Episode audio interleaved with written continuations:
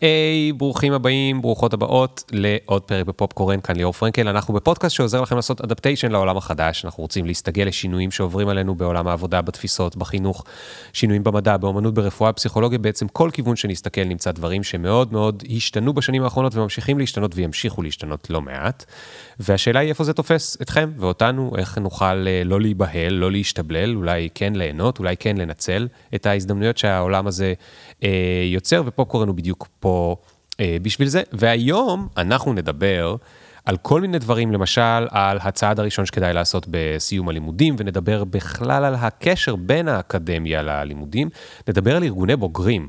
אני חייב להגיד שאישית, ארגון בוגרים זה, זה מושג שנשמע כזה מיושן, גורם לחשוב על gentlemen's club, על כל מיני דברים כאלה, ארגון בוגרים של אוקספורד.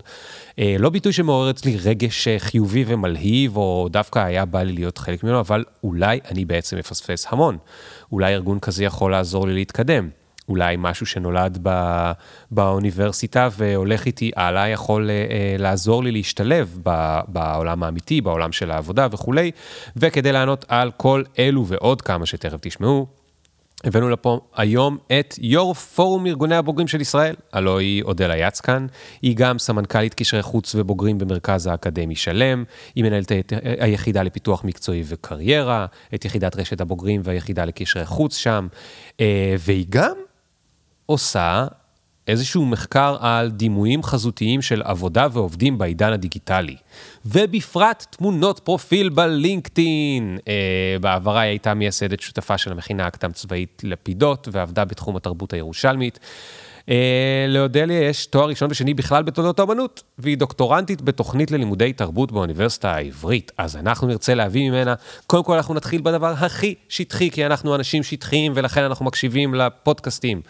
איך כדאי שתיראה התמונה שלנו בלינקדאין, איך זה ישפיע על הסיכוי שלנו להיות אה, אה, מנכ"לים ומנכ"ליות, ומה דעתה בתור מי שחוקרת את הנושא הזה.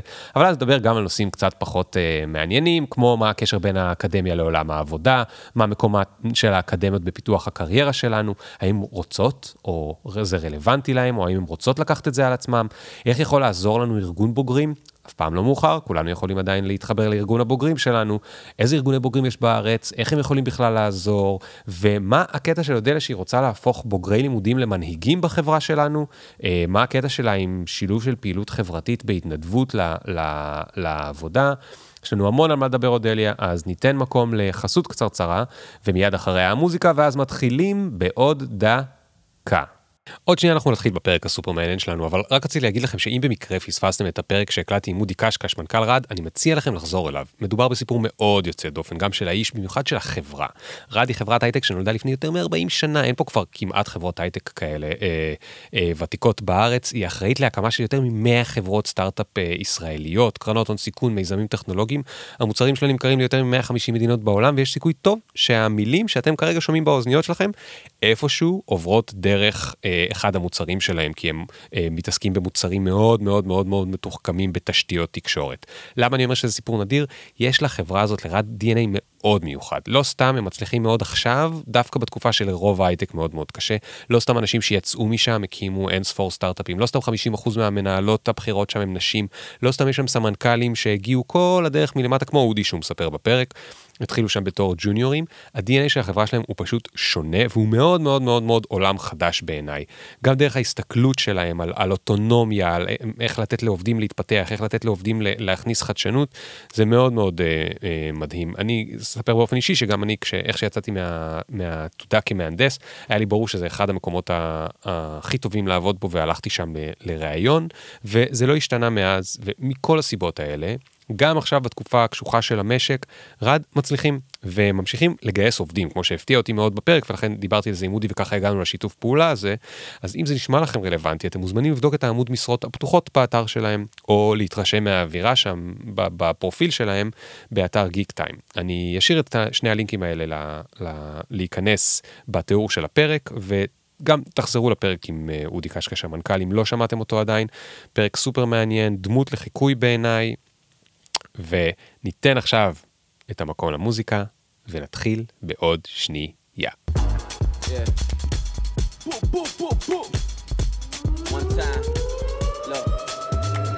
Ring the alarm. Hot ass nigga, big ass head, so my dreams get bigger. Big campaign strong, so my flows get sicker. Confidence bigger than a drunk ass nigga. Look, I'ma work graveyard nine. מה שלא יודעים עליי, גם לא בעבודה, אני כאילו, יש לי פרסונה מאוד מוחזקת ומתוקתקת, זה שיש לי שני מצבים. אחד זה שאני מאוד מאוד פעילה, אינטנסיבית, עושה הכל, או שאני ישנה. מי שיודעים את זה עליי זה המשפחה שלי, הילדים שלי ובעלי, והם מצלמים אותי. עכשיו מצלמים אותי במצבים מאוד מאוד מוזרים, אני נרדמת כאילו בכל מצב, זה יכול להיות נגיד עם תוכי על הראש, עם ספל ביד, או בקניון באילת, שזה קצת מצחיק, אבל אה, מי שאימא לי, ילדות מתבגרות יודעות את זה, שזה נורא קשה להיות בקניון באילת באוגוסט, אז אולי חלק כבר חטפו למה זה קשה?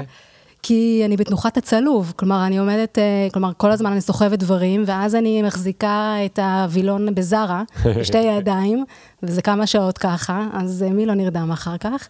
אבל אני נרדמת מלא, ואז זה עוד לא מביך, כי בסדר, אז כמה אנשים אקראיים ראו אותי, והמשפחה שלי, אבל יש להם, מסתבר, גלריה, פעם, לקראת הפרק, שאלתי את בעלי כמה תמונות יש להם, בוחרים רק את התמונות הטובות ביותר, 69. לא מאמין. כן, זה התמונות הטובות. ו, והם עושים מין כזה מופע שיימינג, הם חושבים שזה חלק מבידור, כשהם פוגשים כל מיני אנשים אקראיים, הם אה, פותחים את הגלריה ומראים להם מה הם מצאו, כאילו את הממצאים האחרונים. וואו, וואו. יופי של משפחה. זה מזעזע. אודליה, אה, לטובת הציבור, אנחנו נשתף את התמונות שלך בפרק של אני הפודקאסט. אבקש כמה בונבוניה. אה, טוב, תגידי, בואי נתחיל רגע מהדבר השטחי ביותר. יאללה. מה הקטע עם התמונות פרופיל בלינקדאין? אה, האמת היא, מה הקטע בכלל לחזור לאקדמיה? אני חושבת דווקא בתור מישהי שעובדת באקדמיה ומזהירה סטודנטים לא להמשיך לתואר שני, אם אתם לא בטוחים למה, אז מה קרה שאני עשיתי את זה? אז כן, היה לי כבר תואר שני, וככה מין, חזרתי, לא חזרתי, לא כבר משנה, זה הבטחת סיפור שאת מאוד מאוד לשם, ארוך. את לא חוזרת. שלש... נכון, אני אמרתי, חיי נפשי, אני לא, אם אני אכתוב אי פעם עוד הערת שוליים אחת בחיי, והנה עשיתי את זה. ואז היה לי ברור שאני חוזרת, כי זה עושה שילוב מאוד מעניין במה שאני עושה בחיים המקצועיים שלי, גם באמת מלווה אנשים בתחומים של קריירה, וגם אה, כמובן מאחדת את זה עם האהבה הגדולה שלי לתולדות אה, אומנות ולאומנות בכלל. ו... ואמרתי, ולא הבנתי לקראת מה אני הולכת, אמרתי בוא ניקח את התמונה הכי גנרית, הכי, הכי שיש ממנה הכי הרבה, כן. שמלווה אותנו ביום-יום ונראית כאילו טבעית. וכל מה שטבעי כמובן צריכים לחקור, כי הוא לא טבעי, שום דבר לא טבעי. וגיליתי עולם מטורף, שבעצם התמונות הכי פשוטות האלה, הן כמו איזה תל ארכיאולוגי שמסתירות מחוות מהעבר, מחוות תעשייתיות, מחוות אה, אריסטוקרטיות, מחוות אה, אה, של עולם העבודה. התמונות שלנו בלינקדאין? כן. ספרי כן. לי עוד, תסבירי. אז אתה רוצה שאני אעשה לך רגע, אני גם אפתח לך את הוואטסאפ שלי כדי שתראה כמה תמונות, שתוכל להנהן ולהגיד, וואי, אודליה, נכון, איך את צודקת. כן. כי אנשים אה, בבית פחות ישמעו את זה, אבל אני כן אשלח אותם לתמונות אם תרצו אחר כך. אני אגב אומר לך מראש שאת צודקת. ברור, זה היופי בכל הפודקאסט אוקיי, הזה. אוקיי. אבל אתה יודע, לפני שאני מסתכלת, רגע, יש לי שאלה. אם היית צריך לתאר את עצמך כעובד, מה היית מתאר את, יחד איתך בתמונה? בתמונה? כן, מה היית שם שם? אה, הייתי רוצה להיראות אה, יחסית רציני, אבל אולי קצת מחוייך, כאילו נכון. אני קליל וחמוד, אבל אני קודם כל רציני. מה, איזה, מה, חפצים? או, או לא? יודעת, אתה עובד, מה אוקיי, אתה רוצה שידעו לא עליך? ב, לא הייתי עומד בביקיני בתאילנד, אוקיי? ברור. אה, עדיף, אה, גם עניין של טעם אישי, אני גם דור ה-X, אז נגיד, אני הייתי שמח שיהיו. מאחוריי ספרים. אה, למה ספרים? כי זה אומר שאני אדם אה, קורא וסקרן, משכיל. ואז מה אה, אתה רוצה להגיד. למעסיק?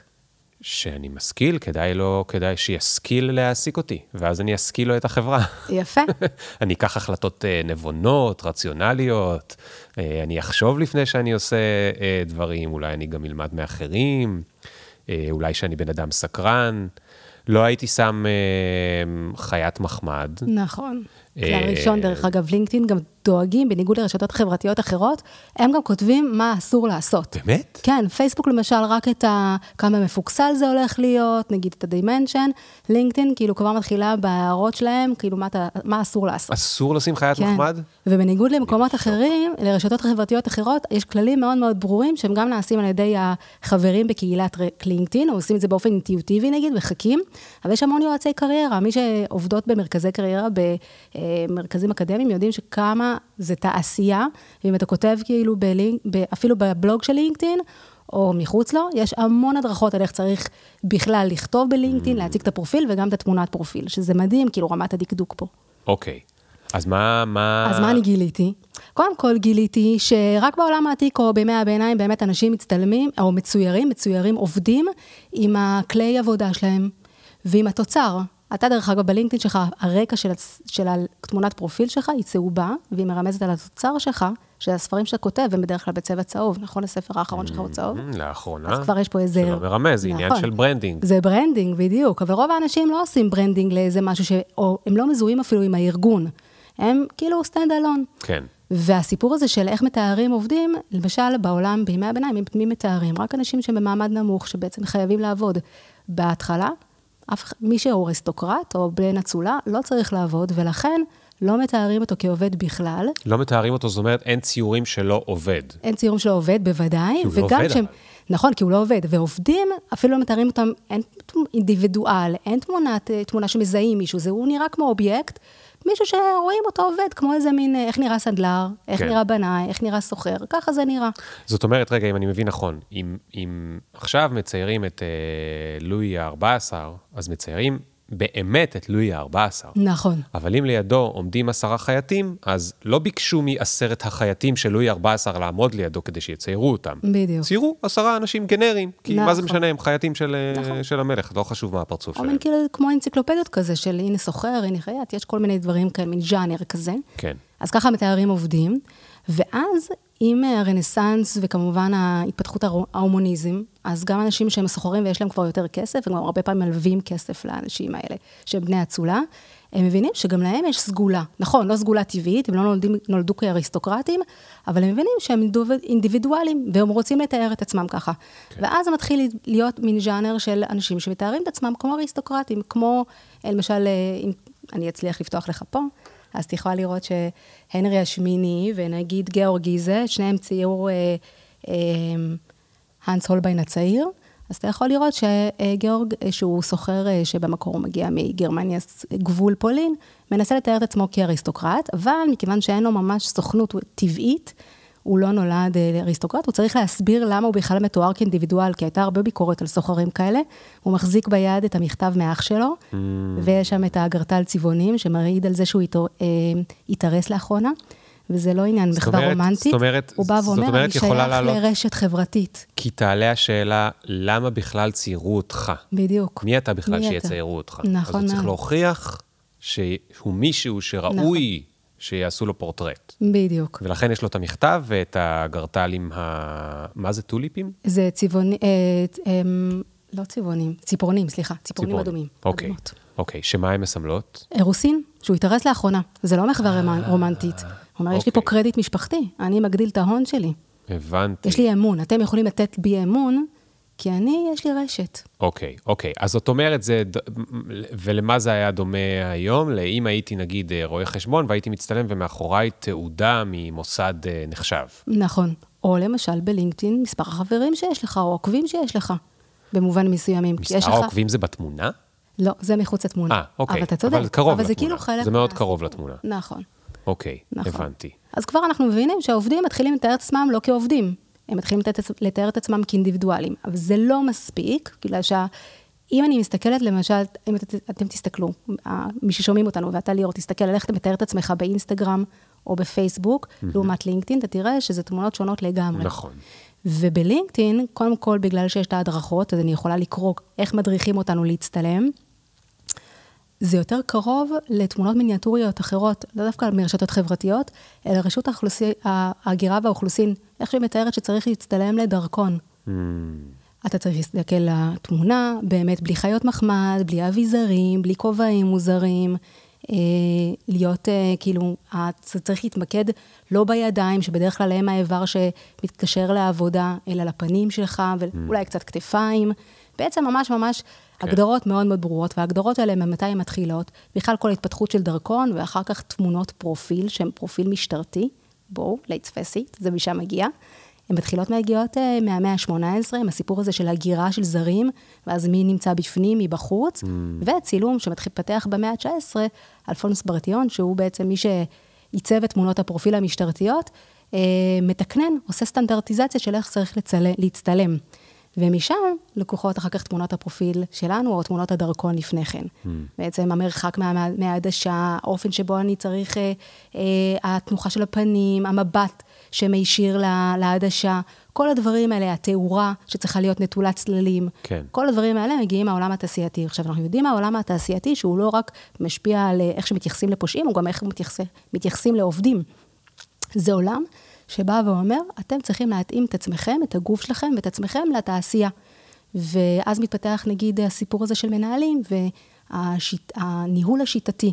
אה, שאנחנו מדברים על וינסלו אה, טיילור ועל כן. גילברט, שמודדים את התנועות של העובד ואת היעילות שלו. 1920 בערך. נכון, 17. בדיוק. כן, אז... אז ואתה אז... יכול לראות שיש גם תגי עובד ב-1940, גם די נראים אותו דבר, כמו תמונת פרופיל פרושים. כן. עם המספר, עם הזה, אבל הם לבושים כמו עובדים. אז בעצם, כאן הם אינדיבידואלים, למרות ששיטת הניהול אז ושיטת ה... העבודה אז עוד לא הסתכלה עליהם כאינדיבידואלים, כי זו נכון. המהפכה התעשייתית, והם עוד, אה, כמו שאומרים בקלישה, הם עוד בורג במכונה. זאת נכון. אומרת, לא, זה לא באמת חשוב מה, מה מייצג אותם. אז האם היום, אני שואל, אנשים כן מתאמצים להביא איזשהו ייחוד, חוץ מהפרצוף שלהם, שהוא ייחודי, כי כולנו, יש לנו פרצוף משלנו, אבל האם מנסים להביא כן איזשהו ייחוד לתוך התמונה? לרוב לא. שזה מאוד מאוד מעניין. אנחנו, משאר, אנחנו משמרים משהו מאוד מתוקנן, מאוד סטנדרטיזציה, שנשארת בתוך התמונות פרופיל, ובעצם כאילו משמרות, אנחנו עושים מחוות, קצת כמו למשל שאתה בא ואומר לאנשים שלום, מצמיד את היד למצח, או מרים את הכובע, mm-hmm. אם היה לך כובע, ומשמר איזה מחוות של אבירים מפעם, שהיו באים לשלום ומורידים את הקסדה, ואתה היית כן. רואה שפניהם לשלום. אנחנו משמרים מחוות בלי לדעת למה אנחנו עושים אותם. ואנחנו משמרים פה מחוות שבעצם מדברות על העולם התעשייתי. כן. למרות שאנחנו מגיעים, אבל אנחנו כן מביאים את הפנים שלנו, ייחודיים האינדיבידואליסטים, שמגיעים מעולם כן. הסיפור ההומניסטי של הרנסאנס והלאה. אנחנו אולי בוחרים אה, חולצה, ובעיקר נכון. אצל נשים, אז אולי אה, תכשיטים. נכון, אבל מעט מאוד ומאוד מאוד ככה שומרים על איזה סוג של יעילות.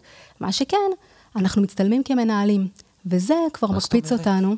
מה זאת אומרת אנחנו מצטלמים כמנהלים? כי בעצם אנחנו מסתכלים לז'אנר, אנחנו מדברים על ז'אנר שנקרא Business Portraits או Corporate Headshots, mm-hmm. ואם תגלול קצת את מה שהבאתי לך, אז אנחנו רואים שהאנשים הראשונים ש... כן, אולי לראשונה, כלומר, תמונות לינקדאין, אולי פעם ראשונה בהיסטוריה שעובדים מצלמים את עצמם ומעלים את התמונות שלהם בעצמם. אבל תמונות mm-hmm. כאלה נעשות בדרך כלל על ידי צלמים אה, נכון. מקצועיים, ומי מצלמים? אנשים שהם CEO של חברות. כן. וה... וזה לא סתם שאנחנו בוחרים לצלם את עצמנו לבושים, בגדים המשרדיים, כן, מאוד, אה, ז'אנר מאוד אה, מינימליסטי. אה, חליפות קאות, רקע בדרך כלל בצבע אפור, כן. או משהו קצת מאוד מינורי. הסיפור הזה שקודם כל למה מצלמים, מנהלים. מצלמים מנהלים בגלל שהתחושה, ההרגשה של אנשים כלפי תאגידים הייתה תמיד שהם חסרי נשמה. כן. ואז המנהלים בעצם באים להיות הפרסוניפיקציה, הרוח האנושית שמגלמת את התאגיד וקצת מפיגים את החשש. כן. אבל פה מדובר בעובדים. נכון. ואנחנו, וזה מעניין, יש מחקר של אה, לוק בולטנסקי ואיב שפלו, אני חושבת שאתה מאוד תזדהה ותבין אותו, אה, בספר החדש שלך. הם חוקרים, מסתכלים על מאמרים לא אקדמיים, מאמרים מקצועיים, והם רואים שיש שיפט מסוף שנות ה-60 לכיוון בואכה שנות ה-90, על מוטיבציות, איך מנהלים מקדמים מוטיבציות של עובדים. ואם בעולם התעשייתי, so called, אז באמת היה הרבה אה, מקום לתת, אה, נגיד, העלאה במשכורת, לדאוג לצרכים שלך, לתת לך ביטחון ויציבות, ואולי לקדם אותך, נגיד, לתפקיד יותר טוב. פה הם מתחילים לדבר על מוטיבציות מסוג אחר. הם מבינים שהעובדים שלהם רוצים לממש את עצמם, הם נותנים להם אוטונומיה, ונותנים להם יותר אה, חירות. ויצירתיות, ויוצרים אה, אה, צוותים של מומחים ולא מומחים, ואנשים בדרגים שונים שעובדים ביחד על משימות, ואז המוטיבציות משתנות, ובעצם כשאנחנו מתארים את עצמנו כמו מנהלים, אנחנו באים ואומרים, רגע, אנחנו רוצים לממש את עצמנו, זה קצת אינדיבידואליזם אולטרה, כן. מהימי הסוחר שלנו מהמאה ה-16, שבא ורוצה לממש את עצמו, הוא רוצה גם להיות המנהל, ואפילו המינוחים שאנחנו משתמשים בהם ביום-יום, כמו לנהל קריירה. כן. או community manager, שזה לאו דווקא manager, אלא זה... ניהול פרויקטים. כן, נכון. כולנו, כאילו בעצם... או product manager. נכון, אנחנו רוצים להיות מנהלים, ואנחנו רוצים להידמות ככה. שזה גם בעצם ממשיך את הקו הזה שלך של... אנחנו אמ, גם לוקחים מאיתנו דברים מהעבר, כי זה לא בטוח ש... זאת אומרת, עדיין מנהלים יותר כאילו נחשבים, נכון. אבל זה לא בטוח שבכמות העובדים שיש אה, כרגע, הרי רובנו לא נהיה מנהלים, או בטח לא מנהלים בכירים, כי פשוט עניין היררכי, יש פחות מקום שם. נכון. ו- ואז השאלה היא, האם בכלל זו השאיפה של הרבה מהאנשים, ובמסגרת זה שאני עכשיו מדבר המון המון המון ועושה כל מיני uh, פעילויות עם מנהלים, אז אני פוגש לא, לא מעט מקרים של אנשים שהם הלכו להיות מנהלים כי יש להם שאיפה, ששוב, היא מגולגלת הרבה שנים אחורה נכון. מבחינת זה שזה פרדיגמה, שזה הדבר הנכון, אבל אם יושבים איתם בצד ושואלים אותם, מגלים שהם בכלל לא רוצים. הם לא רוצים להיות מנהלים, הם התגלגלו לשם איכשהו, אה, כי הם היו אמביציוזים, אבל לא היה להם כאילו דרך אחרת להפנות את, ה, ה, ה, את האמביציה שלהם. אז רגע, אודליה, בואי נעבור רגע מה, מהתמונות בלינקדאין. למרות שלא הגענו לשלב המכריע בסוף, על בעצם איך נראית תמונה בלינקדאין, כי בסוף אה, יש עוד שלב אחד, שאני לא רק רוצה, הרי התמונה שלי לא stand alone. כשאני פותחת את הלינקדאין, אני רואה לא רק את עצמי, אני רואה את עצמי בתוך רשת. ופה נוצר מצב שבעצם העולם הוא לא היררכי. אנחנו מדברים על הרשת שהיא שטוחה ומבוזרת, ותהליכי עבודה בעצם שהם משותפים, אבל כמו רשת, אני נקודת סף בתוך רשת, ואני כן. יוצרת קשרים עם אנשים לצורך פרויקט, ועוזבת אותו כמו רשת טכנולוגית, איך אני מעבירה מייל.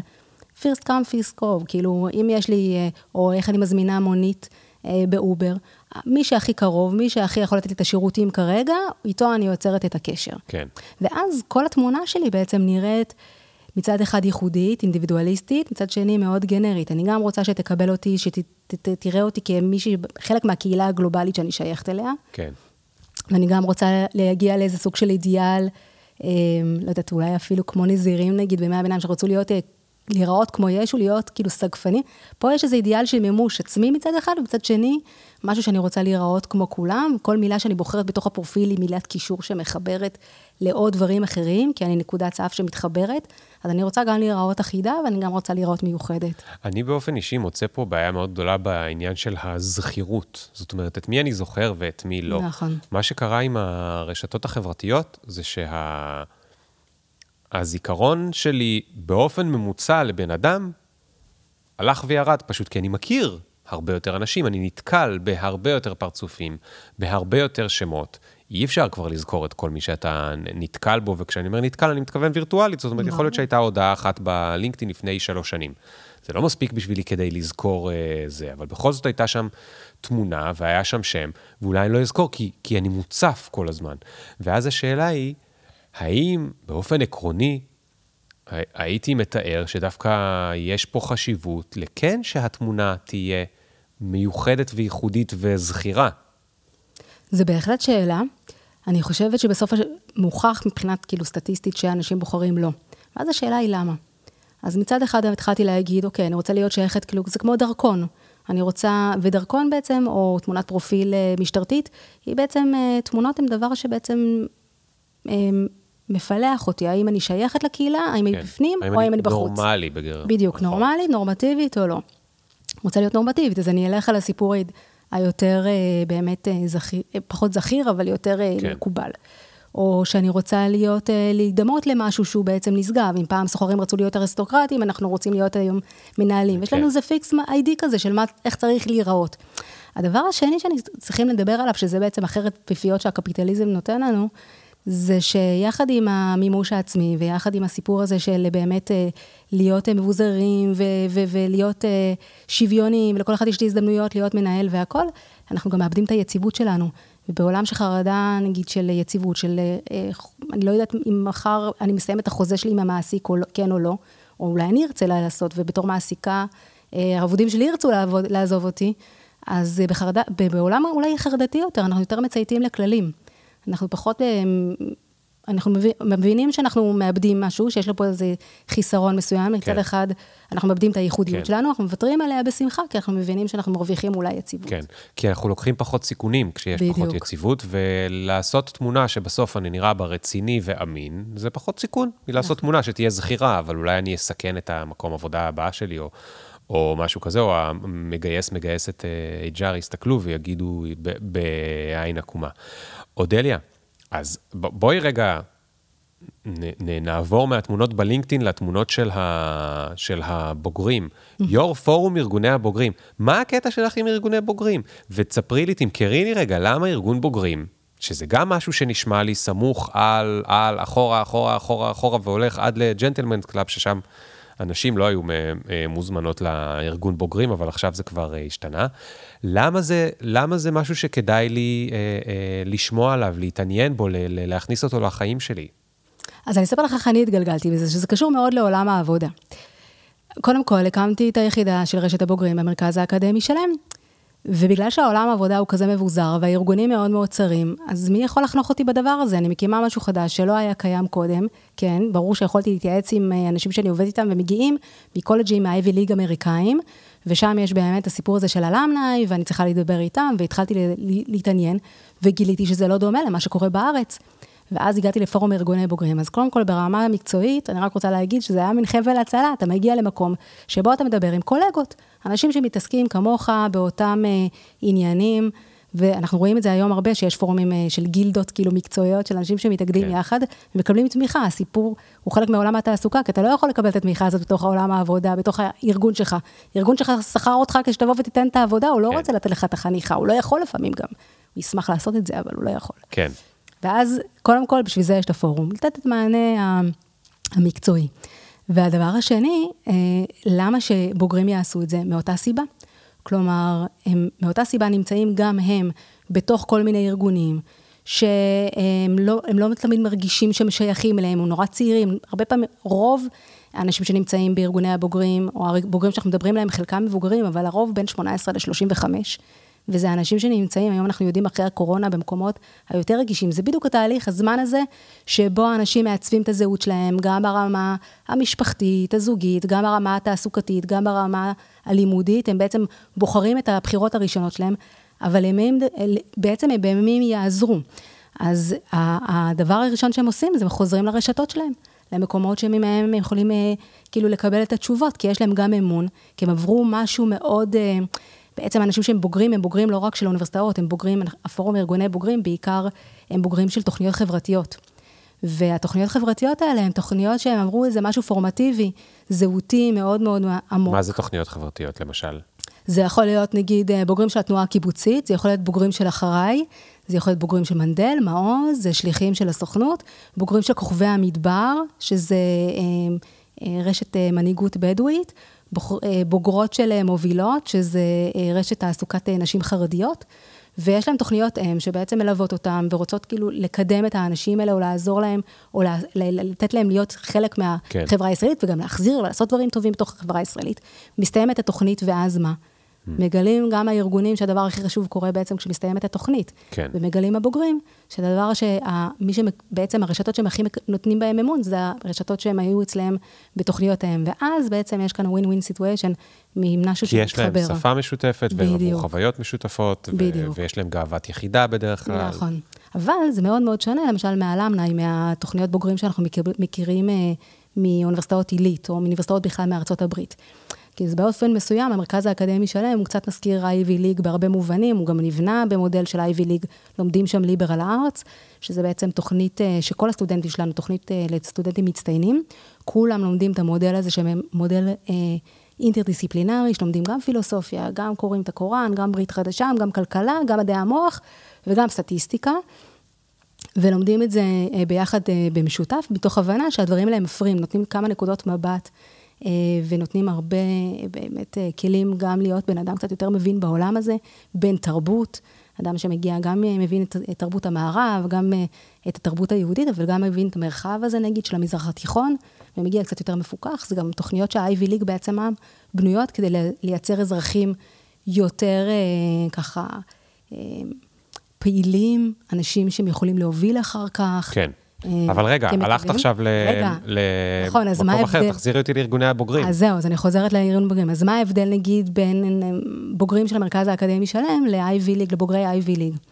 אה, ויצא לי מפגש מאוד מאוד מוזר. אתה מכיר את זה שפונים לך אנשים בלינקדאין, כותבים לך דרך, לפעמים פונים ישירות למייל, אני מקבלת כל מיני כאלה, ואני מצטערת שאני, לרוב אני מסרבת בנימוס, ופתאום היה איזה משהו מוזר בקיץ, שמישהו שאמרתי לו, יאללה, בוא ניפגש, ונפגשנו לזום, ופגשתי בחור שקוראים לו מייקל, והוא עובד במייקרוסופט, והוא אוגר של הרווארד, והוא הציע לי מין אפליקציה כזאת שמפגישה בוגרים לארוחות ערב, ואז גם נותנת להם אפילו שאלות. ש... בוגרים שגרים באותו אזור גיאוגרפי, נפגשים למסעדה, והם uh, יושבים ומדברים ביחד, וניתן להם אפילו שאלות, תשובות, נושאים ש... לשיחה. ודי הייתי בשוק, אמרתי לו, למה, צריך, למה צריך את זה בכלל? כאילו, באמת לא הבנתי. אז הוא אמר, הוא אמר לי ככה, הוא אמר לי בפשטות, אנחנו פשוט בודדים. ואמרתי לו שאני אחשוב על זה, וחשבתי על זה מלא אחר כך. כי אמרתי, רגע, למה חשבתי שהבוגרים שלי לא צריכים את זה? מה, הם לא בודדים? בטח שיש בדידות. אה, חיים, בכל זאת, החיים המודרניים, פוסט-מודרניים, לא חיים פשוטים, לא כולם חי, קשורים להכל. אבל היה לי ברור שיש פה משהו מאוד מאוד שונה. חזרתי רגע לדבר עוד פעם עם האנשים שאני מכירה, מה, שגדלו בבוגרי אוניברסיטאות עילית האלה, ואמרו, תקשיבי, כשאנחנו, זה לא ש... זה, לפעמים נותנים דברים דומים. בסדר, אם אני ארצה ואני אבקש עכשיו ליווי, נגיד בקריירה, אולי ייתנו לי באמת בפרינסטון את הליווי הזה, או בפן. אבל בעצם מה שהם רוצים מהבוגרים, זה שהם יחזרו וייתנו כסף. וזה בסדר. אמרה לי מישהי, אה, אמרה לי, זה אחלה, אני בעצמי קיבלתי מלגה בתור סטודנטית מבוגר שחזר ונתן, והיה פילנטרופ, mm. ובזכותו למדתי שמה. אבל הקשר עם הבוגרים שמה, הוא קשר של למדתם, קיבלתם מאיתנו, ועכשיו בואו ותחזירו. אוקיי. Okay. הקשר שלנו עם הבוגרים שלנו הוא קשר שונה ב... לגמרי. אנחנו מראש מקבלים, רוצים שהם יבואו, כדי שהם יבואו ויתרמו בחזרה לחברה הישראלית. אנחנו עוזרים להם לטפח את עצמם באופן אישי, ואנחנו רוצים שהם יבואו וייתנו משהו אחר לקהילה, וזה יוצא משמעות פעמיים, כי אנחנו גם באים ועוזרים להם לממש, לטפח את עצמם כבוגרים, כאנשים עצמאיים בעולם, וגם זה מחזיר להם פעמיים, כי הם מרגישים שהם מחוברים למשהו שהוא גדול מהם. אז במובן הזה, ופה אני מנסה ככה אה, לסגור את השאלה שממנה התחלנו, זה ההבדל, אני חושבת, שאתה לא רק מין סעיף, נקודת סף בודדה ככה בלינקדאין, שמנסה לקדם את עצמה וליצור התקשרויות מקצועיות, אתה מחובר למשהו עמוק, זהותי עמוק יותר. איך אפשר, אה, מתוך קשר של ארגון בוגרים, בסוף ארגון בוגרים, פרקטית, מה זה? זה, מדי פעם אני מקבל כמה אימיילים. אומרים לי אולי לבוא למפגש, אולי פעם בשנה, אולי פעם בחודש, אולי פעם בלא יודע מה. אני משתתף או לא משתתף? לא יודע. אם אני הולך, אני בא, נחמד, יש קולה, יש בורקסים, יש אני לא יודע מה יש אצלכם, אבל בארגון בוגרים אחר. זה לנו אחלה אוכל. אחד הדברים שלמדתי במרכז האקדמי שלם זה לאכול ולדבר תוך כדי. זה סקי. אמ, איך אפשר לצפות מקשר כזה, שאת תגרמי לאנשים נגיד, להשפיע על החברה הישראלית. זה כאילו מרגיש לי, אה, את מבינה מה אני אומר? כאילו, כן. תעזרי לי לדמיין את ה... איך, איך מוצאים את העוצמה בתוך הדבר הזה, לגרום לאנשים אשכרה למוטיבציה או להנאה, כדי שהם אשכרה יבואו וייתנו בחזרה לחברה. אז יש פה כמה ש... סוגיות. קודם כל, איך עושים את זה, שזה באמת אחת השאלות הכי גדולות, ובגלל זה גם צריך גם את פורום ארגוני בוגרים, כי אנשים צריכים המון, יש פה המון, כאילו אם, אם אני אהיה בקשר עם בוגר, אם הוא יצליח, אם זה, הוא יחזיר חזר, כאילו, יש פה הרבה מין קפיצות כאלה שאני צריכה, רגע, הן לא דדוקטיביות בצורה ליניארית, כביכול. אז זה אחד. והדבר השני זה מה זה להיות מעורב, מה זה אומר להיות אה, בן אדם שהוא פעיל בחברה הישראלית או תורם. אז אה, אני אתחיל דווקא מהדבר השני. אני חושבת שהיום תופסים את הסיפור הזה של, אה, וזה משהו שאני צריכה להגיד להרבה אנשים שאנחנו פוגשים, אני, בתור יו"ר אני נפגשת גם עם אנשים ש...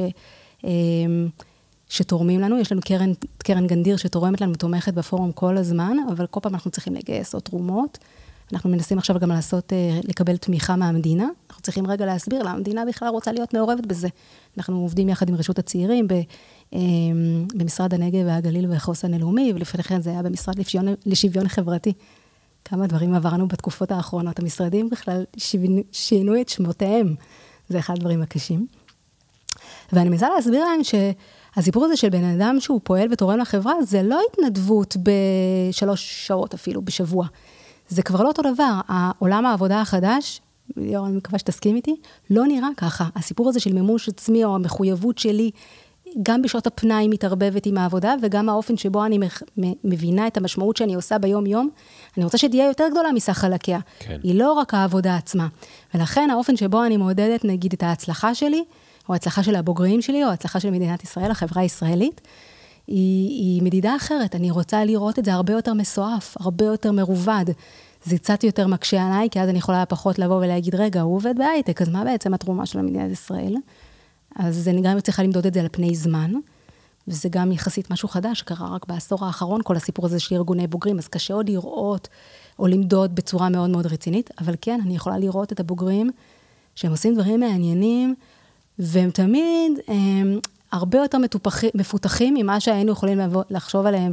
עולם העבודה לא, הוא לא, הוא לא, אה, לא שטוח, הוא עם המון עומק, אז לפעמים הם מנכ"לים של עמותות חברתיות, לפעמים הם עובדים במגזר הציבורי, לפעמים הם עובדים ב, בחברת הייטק, ויחד עם זה מפעילים עוד איזה, אה, מובילים משהו חברתי שהוא גדול. כלומר, זה הרבה יותר אה, מסועף מהדבר כן, הפשוט הזה. כן. ואז אני שואל, איך... איך עושים את זה? איך ארגון הבוגרים יכול לדחוף אותם לשם? או לעודד אותם, או לעזור להם, או אני לא יודע מה. אז קודם כל, אקורד הפתיחה מתחיל בזה שהם מבינים, כאילו, מה החוזה? החוזה בא ואומר, רגע, אנחנו רוצים אה, לעזור לכם, אבל אתם מבינים למה באנו לפה. ואנחנו דואגים גם להגיד את זה. אנחנו דואגים לבוא ולהגיד, רגע, אתם, אנחנו, אנחנו מטפחים אתכם, אנחנו רוצים לעשות את זה בשבילכם, כדי שקודם כל אנחנו אוהבים אתכם, אותך ליאור כן. באופן ספציפי, אני רוצה לעזור לך, אבל אתה מבין שיש פה איזה משהו שאנחנו אה, רוצים שאתה תעשה יחד עם, ה, עם, ה, עם הדבר הטוב הזה שאנחנו, אה, שזה אתה. כן. אז יש פה איזה חוזה ככה, שהוא גם כתוב, וגם לא כתוב, הרבה לא כתוב. אז קודם כל זה אקורד הפתיחה. זאת אומרת, יש, יש פה גם עניין שקצת של uh, לשים את הציפיות על השולחן. נכון, נכון. ואז לכל ארגון הבוגרים יש כל מיני שיטות שלו, אבל אני רואה שזה די חוזר על עצמו.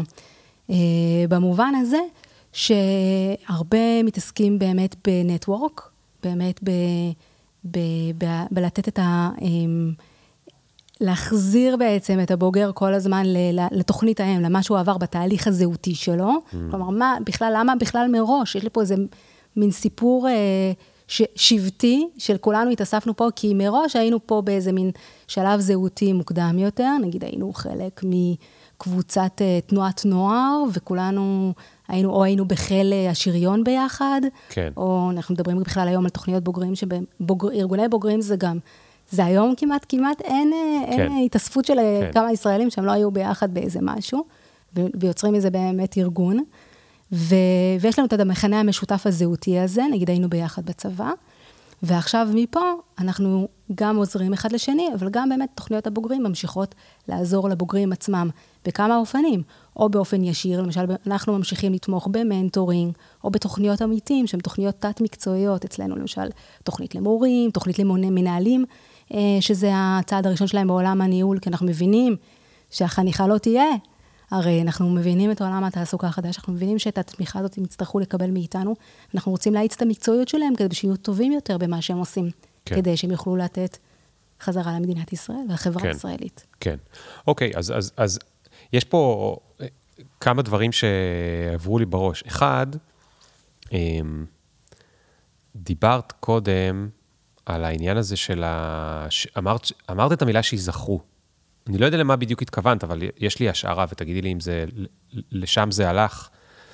בעצם, בטח בתוכניות שהן תוכניות חברתיות, אוקיי? כמו אחריי, או, או כל מה שציינת לנשים חרדיות, או וואטאבר, שזה תוכנות חברתיות, אבל אפילו ב... אם זה אוניברסיטה או אקדמיה, רק בלבד בגלל שהייתי יותר צעיר, בדרך כלל, כשהייתי יותר צעיר, הייתי קצת יותר אידיאולוגי. היו לי עוד דברים, עוד לא הייתה לי משכנתה, עוד לא הייתה לי משפחה שאני צריך לתמוך ולעזור לה, עוד לא היו לי כל מיני דברים שיושבים לי על הראש, והייתי יותר צעיר ומשוחרר, ולכן החלק של האג'נדה והאידיאולוגיה, בממוצע, היה יותר גדול אצלי, אוקיי? יש כאלה שזה לא נגמר אצלם אחרי, נכון. אבל רובנו זה הולך וקטן, כי יש לנו עוד צרות בחיים. אז בכלל זה שזה מחזיר אותי למקום שבו הייתי קצת יותר אידיאליסט והיה לי וואי חזק, למה אני רוצה ללמוד משהו? למה אני רוצה, את יודעת, יש אנשים שהלכו ללמוד מדעי המדינה, הם רצו לשנות את העולם, גמרו בהייטק, כן? לא, לא שאני נגד, אני בעד, אבל אני רק אומר, הם, הם פעם רצו, לש... היינו יותר צעירים ותמימים, אז להחזיר אותי בכלל למקום הזה שבו הייתי, זה, זה, זה, זה מחדש אצלי את, ה, את, ה, את הזרעים האלה, שאולי חלקם עוד אה, נשארו שם ויכולים אה, לצמוח.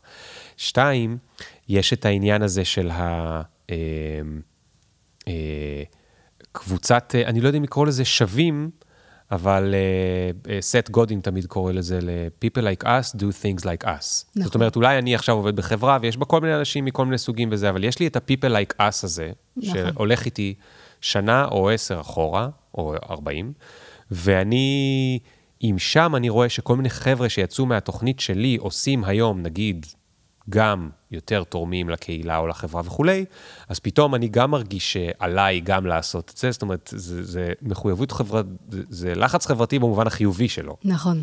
אמ, אז, אז זה אני מאוד מאוד אה, אה, אה, אוהב. והדבר השלישי שציינת, זה העניין של הגילדות. נתת בעצם דוגמה מסיפור אישי. הסיפור שלך הוא, את באה לעבוד במרכז אקדמי. במרכז אקדמי יש, לא יודע כמה עובדים, נגיד עשרות או מאות, יש רבים מהם שהעבודה שלהם היא אה, אה, דומה אחד לשני. ויש מדי פעם כל מיני אנשים שאין עוד מישהו בארגון שעושה נכון. את העבודה שלהם, הם לבד.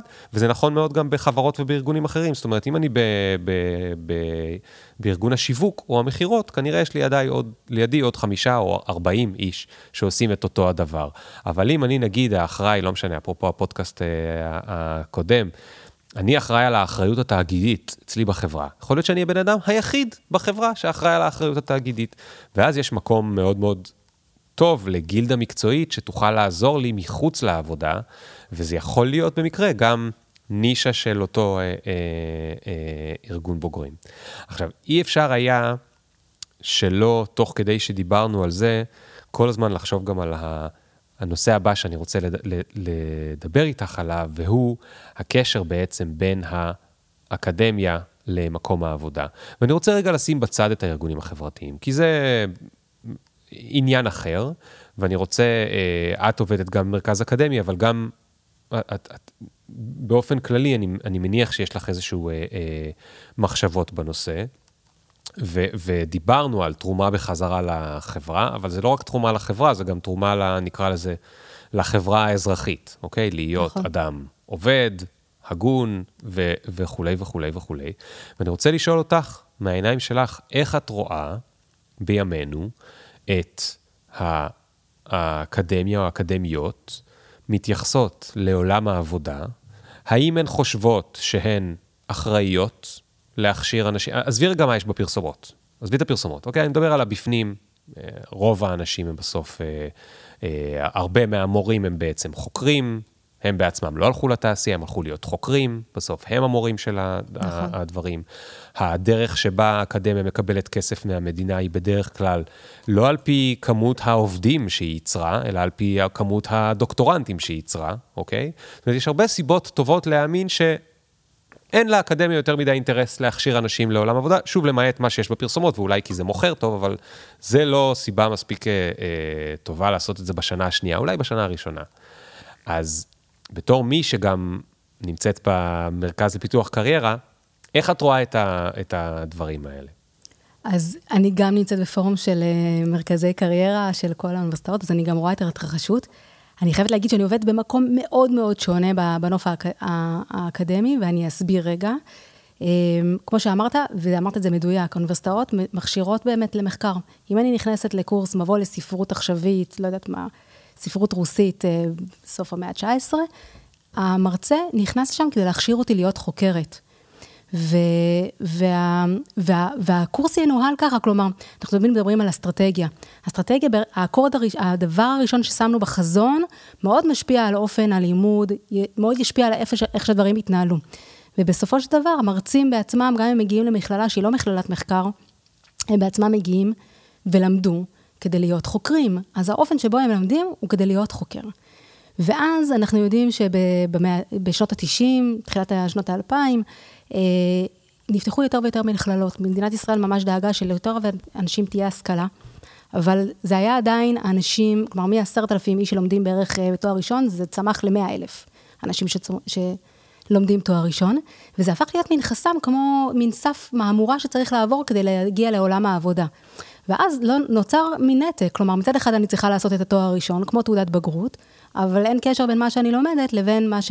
אפילו אם למדתי כלכלה, זה לא אומר שאני הולכת להיות כלכלנית, אני צריכה בעצם ניסיון תעסוקתי בדבר הזה. ואז כמובן, באמת, אנחנו רואים את זה שזה מתקדם הלאה, והוקמו מרכזי הקריירה.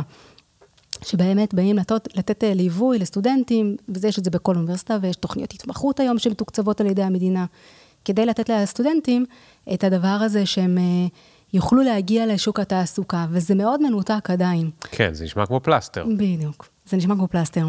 ולכן, אני אומרת, למה אני עובדת במקום שונה? קודם כל, אני עובדת במקום שבו, זה לא שהבוגרים שלנו חלקם הולכים להיות חוקרים, הם חוקרים מצוינים, ממשיכים באקדמיה. אבל קודם כל לומדים טקסט כדי ללמוד אותו. כדי, כלומר, אם אני קוראת את האודיס, הם קוראים הסטודנטים אצלנו את כל האודיסאה למשל, כחלק מקורס חובה, אז, ואת האליאדה, לא משנה, קורס ספרות מופת, אז הם קוראים את זה קודם כל כבני אדם. מה זה נותן לי ברמה האישית?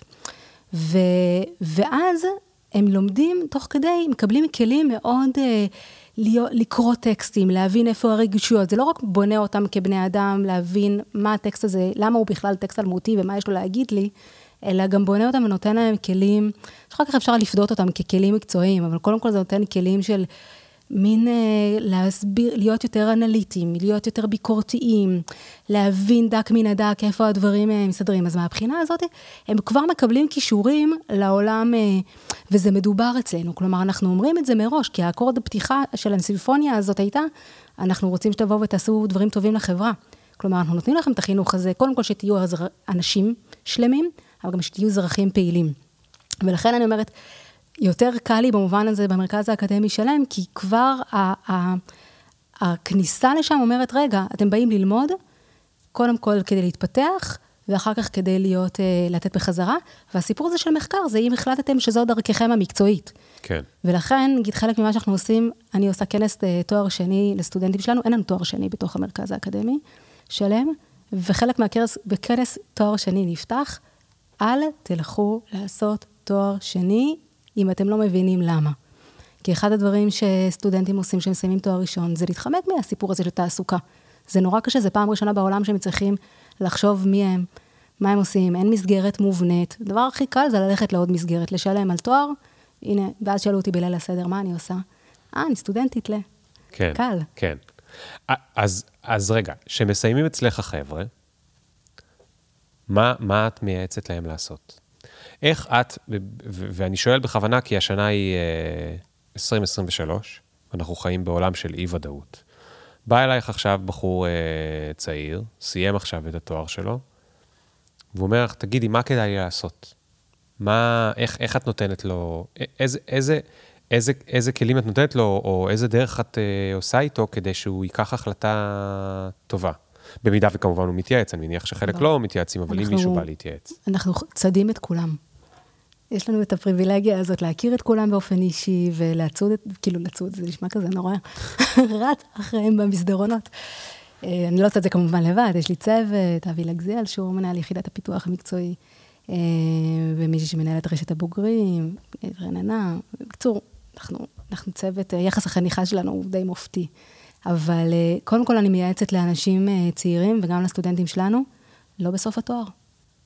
לא בסוף אומרת? התואר. מה לא בסוף התואר? אם סיכמנו שתואר ראשון, קודם כל הוא בונה אותך כבן אדם, ופחות לעולם התעסוקה.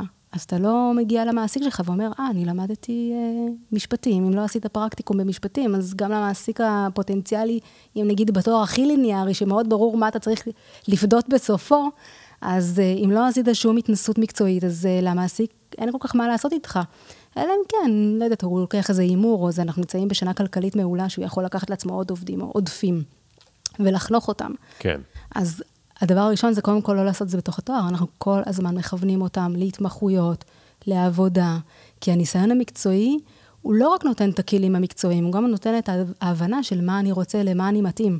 הדבר הכי טוב שקורה בהתמחות, אם מישהו אומר, רגע, אני רציתי לעבוד בתור, אה, לא יודעת מה, לעבוד בתעשיית הספרים, להיות עורך תוכן, וגיליתי שזה הדבר הכי משמים בעולם.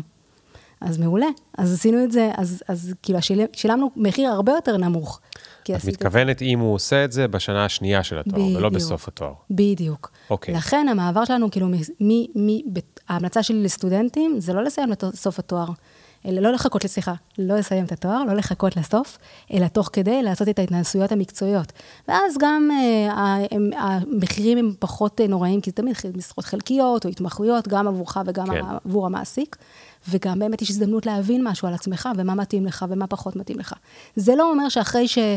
ופה אני ככה עושה ספוילר לאנשים שמצפים לסיים את התואר, אני אומרת לסטודנטים, אתם צריכים רגע יותר אורך רוח, תבינו, גם ה... קודם כל, אני, אני מאיצה בהם למצוא עבודה במשרה מלאה ולא חלקית, ולכן... תוך כדי התואר? לא, אה, לקראת סוף התואר. אוקיי. כדי שהמעבר יהיה יותר חלק. Mm-hmm.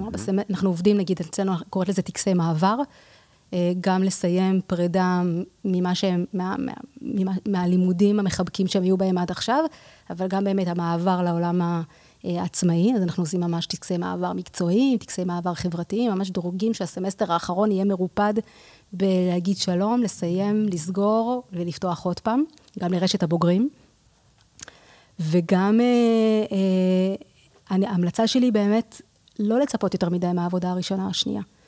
זה העבודות המלצריות, כאילו, במובן הזה שזה או שלא תקבלו משרה עם המון אה, אחריות כרגע, כי צריך לפתח אמון מול המעסיק, או שאתם לא כל כך יודעים טוב את השפה, זה קצת כמו ללמוד אה, בכיתה א', בהתחלה את האותיות, ואז את המשפטים, זה נורא משעמם לקרוא דנה כמה. כן. אבל uh, אתם מתחילים ליהנות מהעבודה שלכם, אתם מתחילים להיות יצירתיים, שיש לכם כבר שפה, והיא עשירה, והוא מורכבת, אפשר לכתוב כבר פסקאות וסיפור. כן. אז זה גם uh, לרגע אורך רוח, קצת יותר סבלנות, לא ישר מממשים את עצמנו.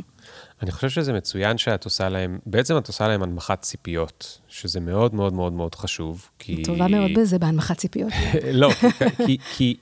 כי שוב, ב, נקרא לזה בפרסומות, או במה שרואים בחוץ, עושים להם רק ההפך. אז טוב, טוב שאת עושה להם. אבל אני רוצה לשאול אותך, מה את לומדת על הדור הזה? כי אומרים שהוא חסר סבלנות, ושהוא רוצה, תוך כדי שהוא רק התחיל, הוא רוצה כבר שיקדמו אותו, ושיעלו לו את השכר, ושיעשו לו את הדברים האלה. איך את מצליחה, איך, איך נראה דיאלוג עם, ה, עם החבר'ה האלה? אז יש לי ויכוח עם אבי לגזיאל, שהוא המנהל פיתוח יחידת הקריירה שלנו. פיתוח מקצועי וקריירה, לא משנה. שם, אני אוהבת להמציא שמות ארוכים אצלנו לדברים.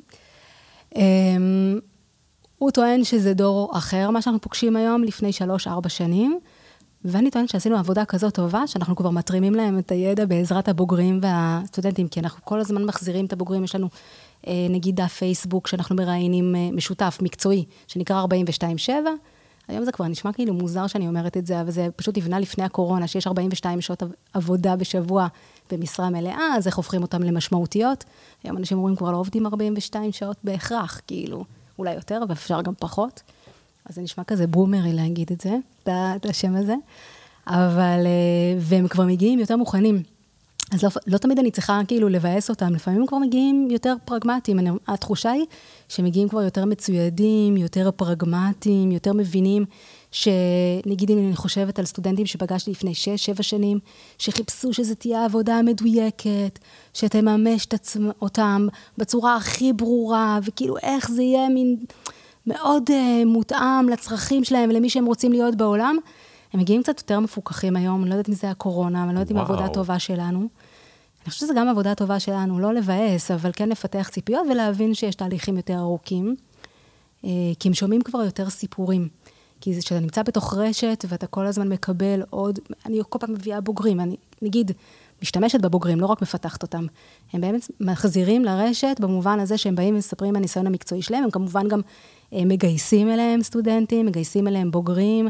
זו רשת שבעצם מזינה את עצמה, אני כבר חלק מהדברים לא צריכה לעשות בעצמה. כן. הכי מצחיק אותי לשמוע סטודנט או בוגר צעיר שאומר איך הוא התקבל לעבודה, ואני יודעת מה עשיתי שם לפני 6-7 שנים, כאילו איך יצרנו את, את ההזדמנות הזאת לפני 7 שנים, היום זה כבר קורה מאנרציה, כן. כי אנשים מביאים אנשים, אבל, תגיד, אבל הם יותר מפוקחים. סטודנטים, לפחות פעם זה היה ככה, כמעט עד שהם מסיימים, לא מעניין אותם עולם העבודה. זה, זה, מה, זה הרי כל העניין הזה, כמו שאנחנו הורים, אנחנו רואים את הילד ואנחנו אומרים כאילו, לא, אל תעשה את זה, זה ממש אידיוטי לעשות את זה, ואז אתה נזכר, לא, הוא צריך לעבור את זה, הוא צריך ליפול, הוא צריך לקום, הוא צריך ליפול, הוא צריך לקום. פעם ה-12 הוא יבין, וכשהוא יהיה בגילנו הוא יבין את זה, ואי אפשר להגיד לו מעכשיו. אותו דבר, אז, אז סטודנטים, הרבה פעמים, אתה מדבר איתם על עולם העבודה, וזה עובר לידם, כאילו, עזוב אותי עכשיו, אני עוד בדשא, אני בכיף שלי, אני בזה שלי, תן לי עוד שנתיים, שלוש שקט, ואז אני אדבר איתך. מה אתה כבר uh, מבגר אותי? מה אתה כבר מריץ אותי קדימה? אז יש לי גם כאלה סטודנטים, שקודם כל גם אני מחובתי לוודא שהם מסיימים את הלימודים שלהם. כלומר, באו לפה מאוד, יש פה משימה, מסיימים את התואר, זה עוד לפני. אבל אה, כן, יש פה קצת, אה, אני חושבת שאחד, שדברים שסטודנטים תמיד אומרים, שיש, למרות שהם בנדלן של מערכת השעות, הם רוב הזמן לומדים, הם מרגישים שאנחנו בשלם נותנים להם כזה מין, שיש מין ויכוח בין העולם האקדמי לעולם המעשי. אני חושבת שאין כזה דבר, זה נקרא ויטה אקטיבה, ויטה קונטמפליטיב, כאילו חיי עיון, זה מגיע נגיד מהיוונים. חיי עיון וחיי מס. אני חושבת שזה חייב להיות ביחד, אתה, ככה אני רואה את הדברים. מה זאת אומרת? נכון, יש אנשים שהם רק חיי עיון, הם לומדים. אבל אם לזה השפעה על העולם הזה, אתה לא מצליח להבין, כלומר, קח כל סוגיה, מעניינת ככל שתהיה, אם היא לא מצליחה להגיד משהו עלינו כבני אדם, או לא מצליחה לעשות משהו במציאות, אותי באופן אישי לא מעניינת. Mm. אני חושבת שאנשים שעושים משהו ולומדים משהו, כשזה מגיע ביחד, הם אנשים טובים יותר, הם אנשים שלמים יותר, הם מבינים משהו יותר על מה שהם לומדים, ומבינים משהו על יותר על מה שהם עושים. וזה משהו שאני מאוד אוהבת להציף אותו לסטודנטים שלנו, אני חושבת שזה חשוב. זה עושה להם את החוויה, את, את מי שהם, הופך אותם לאנשים טובים יותר. כן. עכשיו תגידי... מקווה שאנחנו מצליחים, אני לא יודעת, זה נשמע כזה, וואו, איזה יופי אצלנו, הכל מדהים. אה, לא יודעת. קודם כל, לא באנו לדבר על מה קורה אצלכם, אנחנו רוצים לדעת מה קורה באקדמיה. לא, אני מביאה מהניסיון שלי, אבל באקדמיה, זה באמת שאלה אחרת, אני רואה במרכזי קריירה, כי שוב, אמרת שזה אצלנו שונה, אבל אה, באמת, אני נמצאת בהנהלה בכירה. אז כל הסיפור הזה של פיתוח מקצועי נמצא חלק מה... מה, מה אנחנו שמים את זה בתוך האסטרטגיה של המקום. במקומות אחרים זה באמת קצת פלסטר, ואז האופן שבו פונים לסטודנטים ואומרים להם, בואו, כדאי לכם, אבל זה לא חייב, זה לא, זה לא אינהרנטי למה שהם לומדים. זה באמת מאוד מאוד אה, אה, לא פשוט. אני כן חושבת, אבל היום שסטודנטים הם מבינים את זה. הם מגיעים יותר מפוקחים, יותר פרגמטיים. הבחירות שלהם, של מה הם לומדים, הן פחות אידיאליסטיות או פחות רומנטיות. כן. אה, אנחנו רואים את, בעולם העבודה, איך הוא משנה את עצמו. אה, בצורה יותר ויותר מהירה. אפילו אם אני לא אדבר כרגע על בינה מלאכותית, קשה שלא לדבר, אבל נכון. נגיד שנשים אפילו את בינה מלאכותית בצד, עדיין. נגיד נסתכל על uh, מה קורה בעולם ה marketing, רוב האנשים שעובדים היום ב marketing, uh, העבודות שלהם לא היו קיימות לפני 2004. חוץ מטלוויזיה, רדיו, branding, uh, שלטי חוצות, כל השאר לא היה קיים. לא היה קיים לפני 20 שנה. פחות מ-20 שנה, לא היה קיים, וזה רוב התעשייה. נכון. איך אקדמיה מסתכלת על עצמה ואומרת, אני יכולה להכשיר אנשים לעולם העבודה, אם הרי אנחנו לא יודעים מה הולך להיות בעוד עשר שנים. כאילו, קשה לי כנציגת האקדמיה עלי האדמות לדבר לא, פה. לא, אני לא מבקש כנציגת האקדמיה, אני שואל את דעתך, אני כן. בטוח שזה דברים שעוברים לך בראש, כי בטח. בסוף את במרכז לפיתוח קריירה, זאת אומרת, החבר'ה למדו משהו, ועכשיו את צריכה לעזור להם, או להמליץ להם, או לעזור להם לבחור נכון. לאיזה מקצוע הם ילכו. ואת בתוך ראשך, או שאת אומרת להם, או שאת לא אומרת, בתוך ראשך את יודעת שיכול להיות שבעוד חמש שנים לא יהיה את המקצוע הזה, או עשר נכון, שנים. נכון. אני שואל כאילו את החוויה האישית שלך. וואי, זה באמת מסובך. אמ, כלומר, כשאני מייעץ להם לאן ללכת, ואני יודעת שכל הזמן דברים משתנים. כן.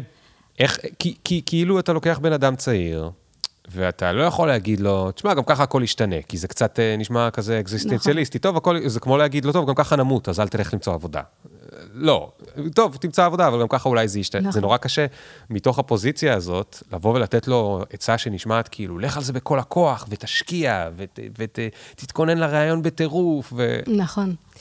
אז קודם כל, אני להגיד, אני רוצה להגיד משהו ביקורתי.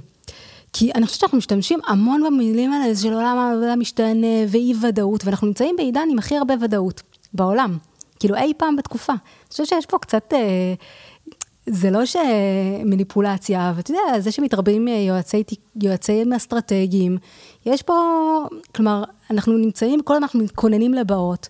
פעם היו נביאים, אני יודעת מה, או, או משהו כזה, אבל בסך הכל אנחנו נמצאים בעידן שרוב האנשים בו שבעים.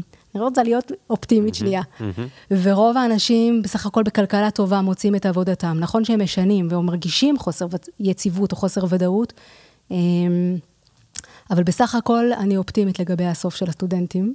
אה, אני מרגישה שאני שולחת אותם... אגב, בארצות הברית אנחנו כרגע בשיא שלילי של, אה, או שיא חיובי, לא יודע איך אומרים את זה, של אבטלה. זאת אומרת, האבטלה הנמוכה ביותר, כאילו, שנים, שנים, שנים, שנים, שנים, בערך, לא זוכר, 4 אחוז או משהו כזה, אבל ממש ממש נמוך. אז, אז אני אומרת, כאילו, למה אנחנו כל הזמן אה, מציפים את, הספ... את, את, את הדבר הכאוטי הזה, את החוסר הוודאות? בואו נדבר רגע בצורה אופטימית. הולך להיות סבבה בסך הכל, טפו טפו טפו, אם לא קורים דברים בלתי צפויים כמו חייזרים וזה, או לא יודעת מה, hmm. כוח עליון. אה, ו, ומהפנים האלה אני מסתכלת קדימה, ואני אומרת, רגע, אתם יוצאים לשוק העבודה, אתם בוחרים את, ה, את, ה, את מה שאתם הולכים לעשות בשלב הזה. עכשיו, אני יותר קל לי היום, כי אני באמת כבר בן אדם יותר מבוגר, אבל אני סלשרית.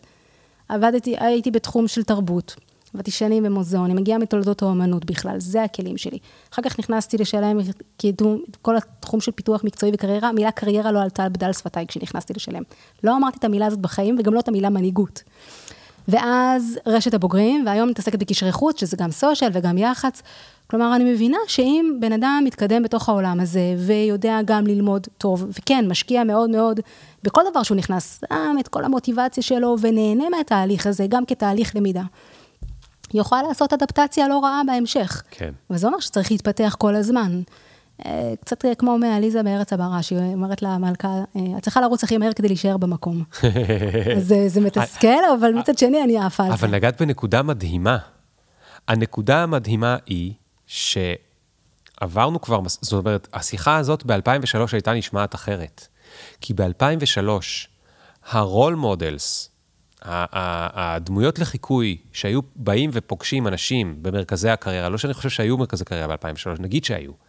ה role models שהיו באים ופוגשים אותם, או אם היו עושים להם כזה יום אה, מקצועות נכון. בכיתה, אז היו מביאים רואה חשבון, שהוא מאז שסיים אוניברסיטה ועד הפנסיה, הוא היה באותה חברת ראייה חשבון, ועוד מישהו שכל חייו עבד באותה חברה, ועוד מישהי שעבדה כל חייו באותה חברה. והיום מי מדבר עם החבר'ה במרכז פיתוח קריירה? את, שהרגע סיפרת על ארבע קריירות שונות שעשית נכון. במהלך לא חייך מאוד אה, צעירים. כאילו... אז, אז, אז, אז כולל חושב... האקדמיה, עכשיו שאני גם כותבת כל פעם. אז אני חושב שאולי זה הרבה מה, מה, מהדבר הזה, שאם היום האנשים שמכינים את החבר'ה האלה, אומרים להם, תקשיבו, זו המציאות. כאילו, המציאות היא שאתם מתחילים פה ואתם לא יודעים לאן זה ילך, ואין לכם מושג לאן זה ילך. וכמו שאמרת, באותה נשימה, זה לא קשור, אתם עדיין, כדאי לכם להשקיע הכי הרבה שאתם יכולים כאילו זה הדבר האחרון שתעשו, שזה מאוד מאוד קשה אנושית. אני חושב שזה הדבר שקשה להם. זה נורא נורא נורא נורא קשה להם, לא לכולם, אבל להרבה מהם, להשקיע עכשיו בלימודי רפואה, כי יש לי מסלול של תשע או 12 שנים, שברור לי שאחר כך אני אהיה רופא כל חיי, ובהתחלה זה יהיה סבל נוראי, ובסופו של דבר אני אקבל תהילה גדולה ואולי גם כסף גדול.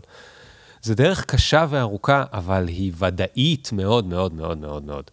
לבוא ולהשקיע את כל כולי במשהו כשאני יודע שאולי עוד חמש שנים, אפילו אם העולם לא משתנה, אוקיי? אפילו כן. כי אני אשתעמם מזה עוד חמש שנים. נכון. זה הרבה יותר קשה.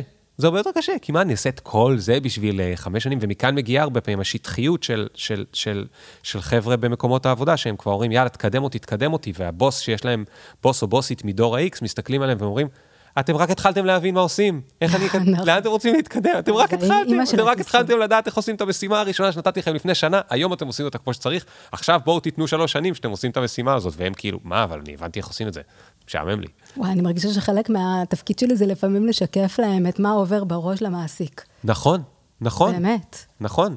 אפילו ברמה יותר, נגיד, אני מסתכלת אפילו על יזמים אה, חברתיים, שאני אומרת להם, רגע, אבל מי שאתם באים אליו ומבקשים ממנו, נגיד, שיתמוך במיזם, מה שהוא רוצה בנגיד הכי, זה, זה סתם, זה עוד, זה משהו קצת אחר, אבל מה שהוא הכי רוצה זה להיות יחד איתכם בשטח, אז תשקף, דווקא תביאו אתם את הסיפורים הטובים, שהוא ירגיש שהוא חלק מהדבר הזה. ולהם, לאנשים שהם צעירים שמתחילים עם מעסיק, אני אומרת, מה שהכי מתסכל אותו זה שהוא עובד הרבה בלהכשיר אתכם, והוא לא... אתם צריכים להביא את החדוות uh, עשייה שלכם, כאילו, תהיו שם איתו, כן. בדבר הזה. כן. הוא רוצה שתתלהבו יחד איתו מה, מהעבודה הנפלאה שהוא נותן לכם, או שהוא יחד איתכם רוצה לעשות. מדהים. זה, כן, קשוח. אודליה, אנחנו, אנחנו צריכים תכף לסיים, את לא שמת לב, אבל עברה, אני רואה פה כבר יותר משעה, ו... כיף לדבר אני איתך, רוצה ליאור. דווקא לסיים איפה שהתחלנו, יאללה. בתמונות פרופיל לינקדאין. אני אתפוס אותך במילה, כי אמרת שמה שלמדנו והוא לא מעשי, הוא פחות מעניין. אגב, יש תחום מאוד גדול בפילוסופיה, שהם, זאת אומרת, יש הרבה פילוסופים שזה מה שהם מאמינים, בפילוסופיה פרקטית, ואני מאוד מאוד אה, אוהב את זה. אז בואי תתני לנו איזשהו, אה, אה, אה, אני הייתי אומר טיפ, למרות שזה נשמע מוזר, כי את כאילו חוקרת, אבל, אבל את חוקרת, ואני מבקש ממך משהו מעשי, אז נכון. מה, מה, מה את מציעה לי לעשות עם התמונת פרופיל שלי?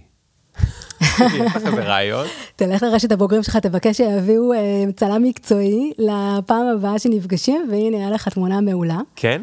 כן, בטח, למה לא? זאת אומרת, את. אומרת שבסוף כן, אנחנו, כדאי לנו שתהיה לנו תמונה מקצועית ו... תראה, מחקרים אומרים ש... למרות שיצא לי תוך כדי מחקר, ביקשתי ממישהי שעושה גיוס, שתלווה אותי איך היא, היא מסתכלת על לינקדאין. והיא לא העיפה מבט בכלל בתמונת פרופיל, לטענתה, ועברה כמובן על אה, כאילו מילות מפתח ודברים כאלה, וכשאנחנו ממליצים לאנשים לשלוח קורות חיים ישר, אני אומרת, אל תשלח עם תמונה, אל תשלח עם תמונה. אתה רוצה שזה יפתח לך את הדלתות, אתה לא יודע מי רואה את הקורות חיים וכמה זה יכול לעצבן בדיוק התמונה הזאת. כן. לא באת לטוב.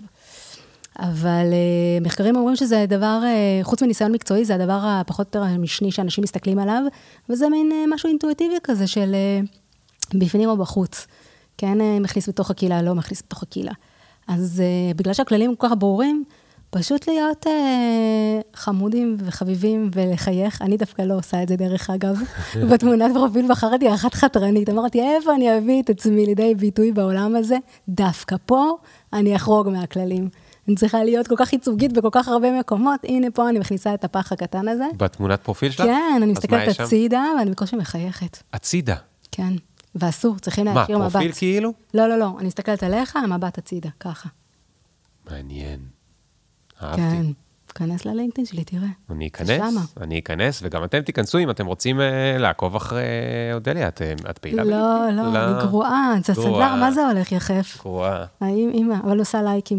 אני מאוד בדיוק, נדיבה. אז, ת, את, אז את, לפחות הם יאספו לעצמם אה, בטח. אה, עוד מישהו שתקרא את, את הדברים שלהם. ואם מבקשים ממני, אני כותבת המלצות. לוקח לי חצי שנה, אבל אני כותבת אותם.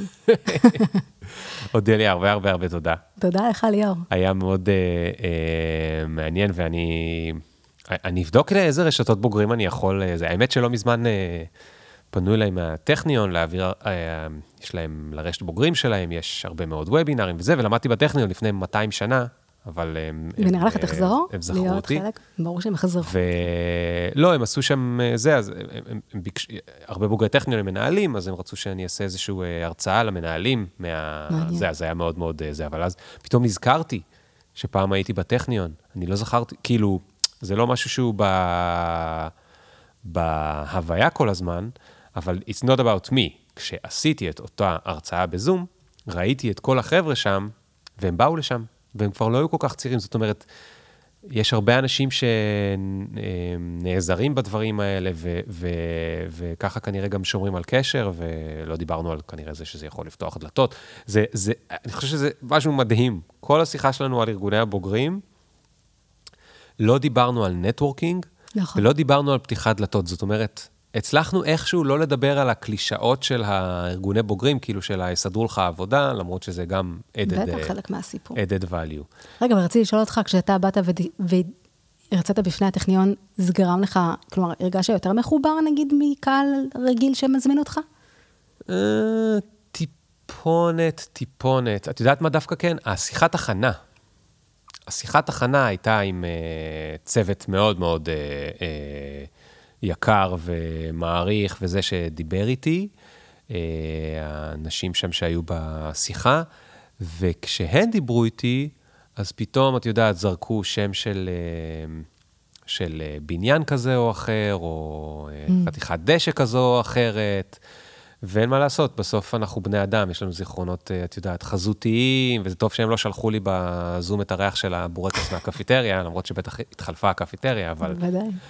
יש גם מיקרואים היום. פתאום הדברים האלה הם אה, החזירו אותי קצת אה, אה, אחורה, ולא מזמן יצא לי כמה פעמים לבקר באוניברסיטת תל אביב, ששם עשיתי את התואר השני, אבל גם זה לפני איזה 20 מה שנה. למדת בתואר השני? היסטוריה ופילוסופיה של הרעיונות והמדעים. איך אני לא יודעת את שזה זה? אינטרדיסציפלינרי גם. לגמרי. במכון קון. ופתאום הסתובבתי שם, אחרי באמת הרבה שנים שלא הייתי שם, וגם הקדמתי בטעות, אז לא מיהרתי. הסתובבתי והסתכלתי על הסטודנטים, וחשבתי לעצמי, איזה קשה להיות היום סטודנט עם הטלפון. איך אני כנראה, בחיים לא הייתי עושה את התואר השני הזה, אם אז, כאילו, הסמארטפון היה דבר רציני, או האינטרנט היה משהו היום. וכמה צעירים הם נראים. אתה חושב שזאת העבודה שלי. אני מזדקנת, הם נשארים צעירים. זה, תשמעי, אני גר בתל אביב, אז סביבי כולם, אני ה- זה שמזדקן, כולם אה, נשארים צעירים כל הזמן. אה, אודליה, תודה רבה רבה. תודה ליאור. ותודה גם לכם, אה, מוזמנים אה, לשתף עם חבריכם הבוגרים, וחבריכם בארגונים, וחבריכם בארגוני הבוגרים. ניפגש בפעם הבאה, יאללה, ביי.